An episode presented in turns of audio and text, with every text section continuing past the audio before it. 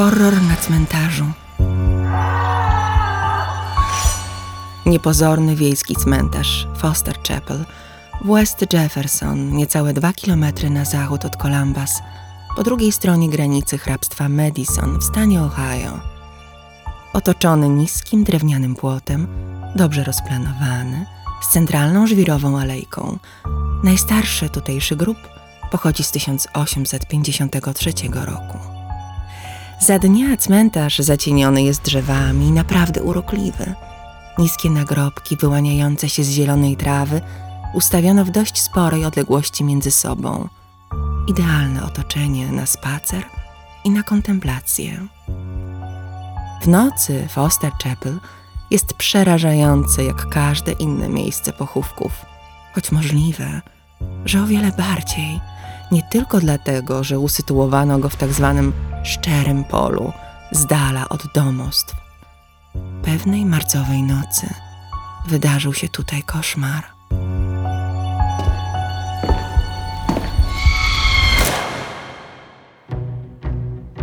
Na cmentarzu pozostał dowód pamięci tamtych tragicznych wydarzeń.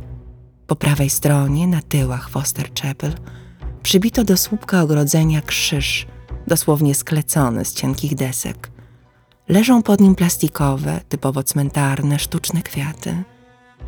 Ktoś umieścił na krzyżu odblaskowe naklejki, układające się poziomo w słowa Jessica Lynn Kin i pionowo zamordowana tutaj 17 marca 1991 roku.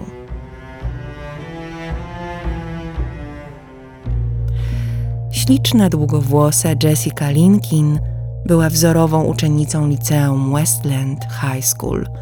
Występowała w grupie cheerleaderek. Uwielbiała być na scenie, śpiewać i grać na pianinie. Sama nieco komponowała. Jednak nie planowała wiązać swojej przyszłości z show biznesem. Wybrała szkołę weterynaryjną, do której już się przygotowywała. Jej najlepsza przyjaciółka wspominała, cytuję: Była bardzo piękną osobą, miała ten błysk wokół. Wiedziałeś, że ona będzie kimś. Gdy zakochała się po uszy w osiemnastoletnim Seanie Thompson, porzuciła dawne priorytety. Sean zrezygnował z nauki w szkole i miał zły wpływ na dziewczynę. Pogorszyły się jej wyniki w nauce, przestała występować jako cheerleaderka. Matce Jessiki, Rebece, nie podobał się wybranek córki. Od lat wychowywała sama dwie dziewczynki. Jessica miała trzy lata, a Heather siedem, gdy ich rodzice się rozwiedli. Ojciec, James Kin, związał się z koleżanką z pracy – z którą pozostał aż do jej przedwczesnej śmierci. Sean Thompson był pierwszą miłością Jessiki. Może nawet nieco imponował jej jego temperament, bunt i kłopoty z prawem. Był inny od jej spokojnego, przewidywalnego otoczenia. Matka nastolatki miała nieco inną opinię. Martwiła się o edukację córki, o jej bezpieczeństwo i przyszłość – w domu dochodziło do karczemnych awantur między nimi, zwłaszcza, że kobieta zabroniła córce widywać się z Seanem, dopóki nie poprawi ona ocen. Jessica liczyła na stypendium, musiała mieć dobre wyniki, by je otrzymać. Przez zauroczenie młodym buntownikiem kilka razy wagarowała, by wymknąć się na randki. Groziła matce, że ucieknie z domu. Obie doszły do porozumienia, że potrzebują od siebie odetchnąć i nabrać dystansu. Z tego co wiadomo, razem zdecydowały, że Jessica spędzi jakiś czas w lokalnym, bezpłatnym ośrodku dla nastolatków z problemami w Columbus. 4 marca 1991 roku dziewczyna rzeczywiście zamieszkała w tzw. Tak Huckleberry House, miejscu dla młodzieży z grup ryzyka i bezdomnej. Miała tam pozostać przez dwa tygodnie, uczestnicząc w sesjach terapeutycznych, indywidualnych i rodzinnych. Pozostawała wśród osób, podobnie jak ona, zmagających się z konfliktami rodzinnymi, ale też ze znacznie poważniejszymi problemami, przykład bezdomnością, przemocą, nadużywaniem substancji psychoaktywnych i ubóstwem. Huckleberry House przebywały i przebywają nastolatki w wieku od 12 do 17 lat oraz nieco starsi młodzi ludzie w wieku od 18 do 24 lat. Jessica mogła liczyć na bezpieczną przystań, ciepłe posiłki, miejsce do spania, a nawet ubrania i artykuły higieniczne. Wszystko na koszt stanu Ohio. Schronisko kryzysowe przyniosło Jessice ukojenie. Niestety, na bardzo krótko. W niedzielę 15 marca 1991 roku, na dzień przed planowanym powrotem z ośrodka do domu, Jessica odbyła rozmowę telefoniczną ze swoim chłopakiem. Pokłócili się. Doszło do zerwania między nimi. Wiele osób było świadkami tej rozmowy. Oczywiście słyszeli tylko Jessikę. Dziewczyna była wściekła, wzburzona. Wychodząc z ośrodka, rzuciła na odchodnym, że pojedzie autobusem do centrum handlowego. Ostatni raz widziano ją około godziny 18 na przystanku w dzielnicy Wineland Park, tuż obok Huckleberry House. Czekała na autobus linii Kota. Nie wróciła do ośrodka ani do domu. Jej matka zgłosiła zaginięcie tego samego wieczoru o godzinie 23. Wczesnym rankiem 17 marca 1991 roku 15-letnia Jessica Linkin została znaleziona naga i martwa na cmentarzu Foster Chapel w odległości 32 km w linii prostej na zachód od Huckleberry House. Na ciało natknęła się kobieta, która fotografowała nagrobki w bladym świetle świtu. Ofiara na rękach i na ustach miała resztki taśmy klejącej. Została zgwałcona i pobita na śmierć. Sprawca lub sprawcy nie zabrał jej pierścionka i zegarka, zniknął jednak złoty wisiorek z napisem Taken, zajęta, który dostała od swojego chłopaka. Śledczy na podstawie zabezpieczonych śladów na cmentarzu doszli do wniosku, że Jessica została wepchnięta do samochodu przez dwóch mężczyzn. Na podstawie próbki nasienia specjalista określił, że została zgwałcona na dwie do czterech godzin przed ucieczką z samochodu. Zdołała uciec po około sześciu godzinach przetrzymywania w niewoli i pobiegła w stronę cmentarza, nawet nie zdając sobie sprawy w ciemności, że biegnie w kierunku takiego miejsca. Ukryła się za nagrobkiem. Świadczyły o tym odciski jej kolana na miękkiej ziemi i zgubiona skarpetka, która zsunęła się jej ze stopy. Tych kilku chwil horroru, które wówczas przeżyła, nie da się z niczym porównać. Była naga, miała na sobie tylko podarty stanik i jedną brudną skarpetkę. Musiała głęboko oddychać, cały czas powstrzymując się, by nie wydać jakiegoś odgłosu. Modliła się pewnie w duchu, wzywając Bożej pomocy, bezgłośnie. Przerażona, zagubiona w obcej, ogarniętej ciemnością przestrzeni. Dopiero co została brutalnie zgwałcona, potem skrępowana kilka godzin spędziła z oprawcą. Po co? Czego od niej oczekiwał? Czy zastanawiał się, co z nią zrobić? Najprawdopodobniej zgwałcił ją kilka razy i pobił.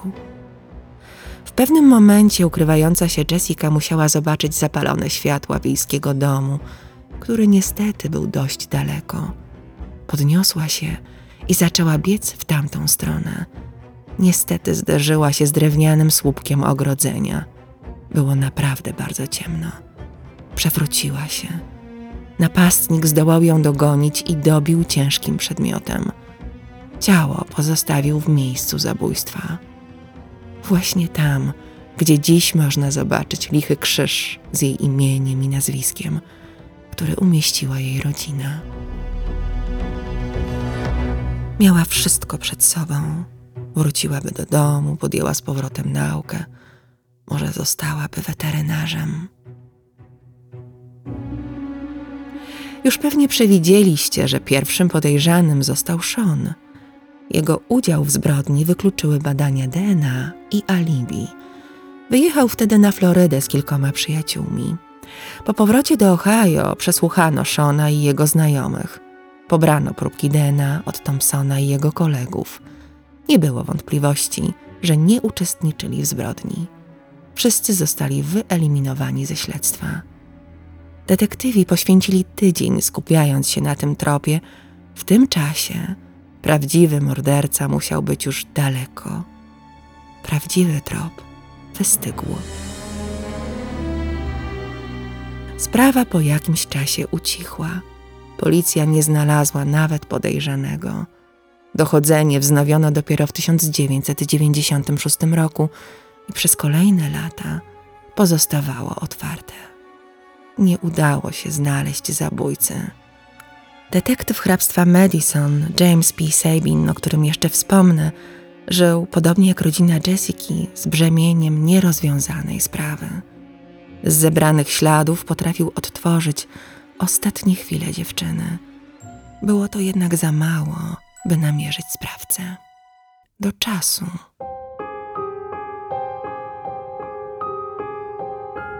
Dziewiątego kwietnia 2008 roku policja w Burlington w północnej Karolinie aresztowała 51-letniego Marvina Lee Smitha Jr.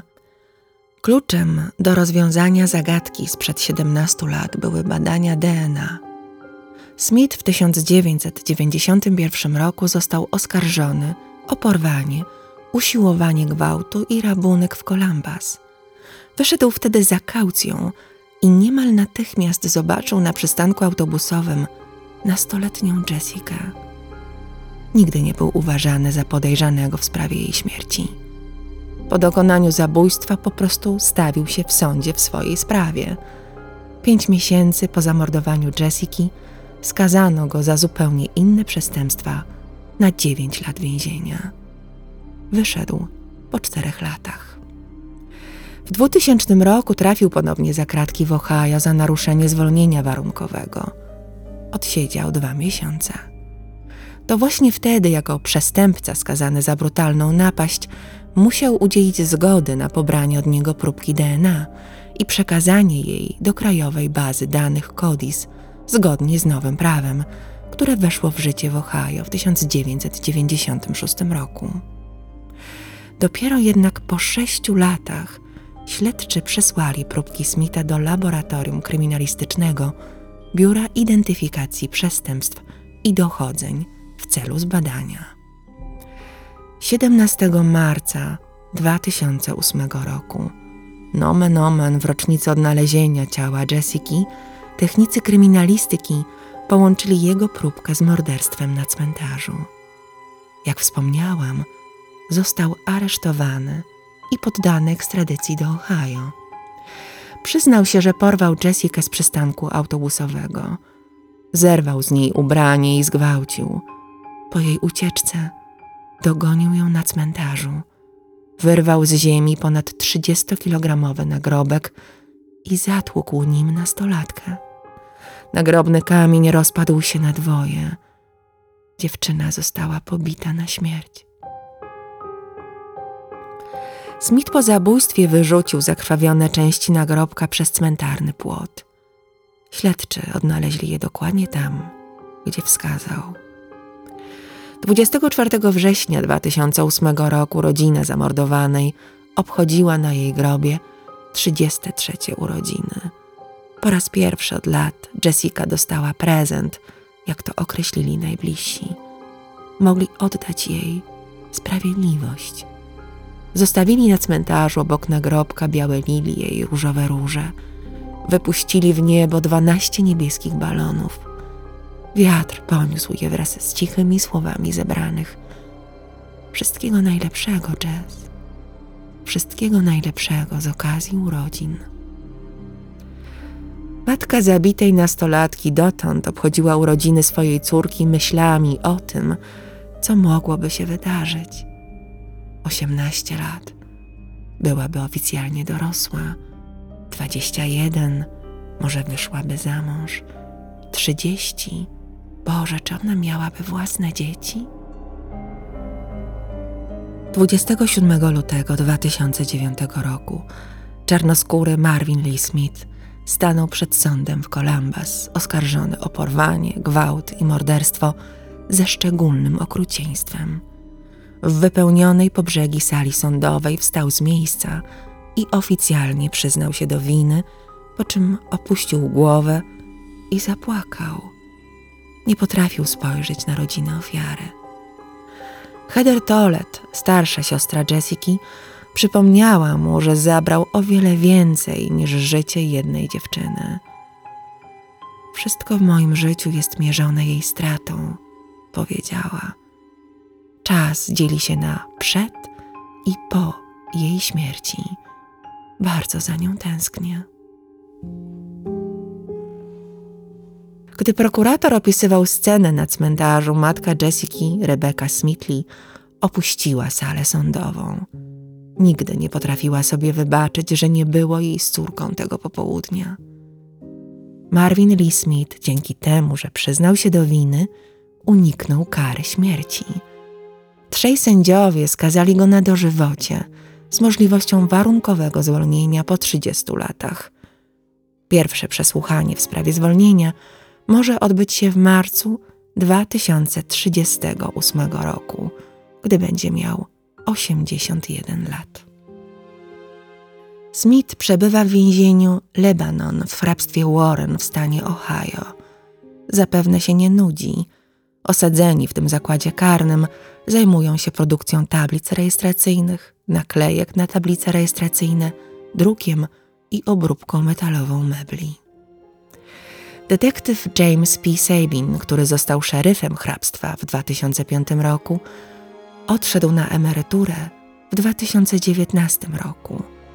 Na dzień przejścia w stan spoczynku wybrał datę 15 marca, rocznicę zamordowania Jessica Linkin. To była dla niego najważniejsza sprawa.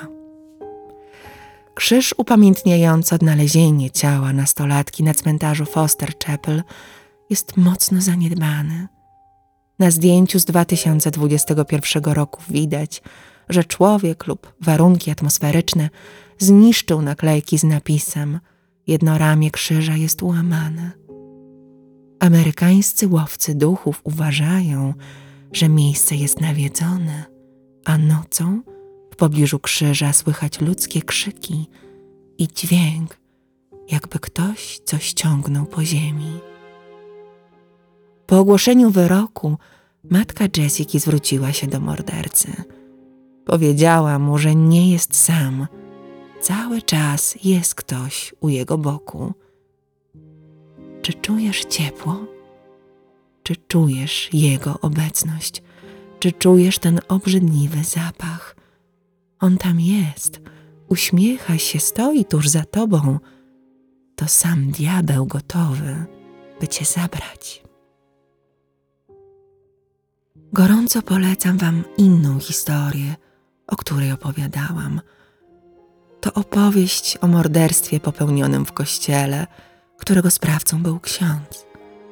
Rodzina zamordowanej Irene Garza czekała na sprawiedliwość wiele lat i doczekała się po 57 latach. Odcinek z numerem czwartym nosi tytuł Królowa Piękności i Ksiądz. Jest nim zawarta podobna, niewyobrażalna tragedia, a zarazem, mimo wszystko, poczujecie satysfakcję z zakończenia sprawy. Dzisiejsza opowieść niesie ze sobą jeden morał, że nie jesteśmy w stanie zabezpieczyć, uratować swoich bliskich. Zawsze znaleźć się może moment, w którym ofiara zostanie wystawiona na widok drapieżcy i pobudzi go niestety do działania. Źródła, z których korzystałam przy przygotowaniu odcinka, to lokalne media, lokalne gazety, The Columbus Dispatch, Columbus Messenger, The Chronicle oraz Dayton Daily News.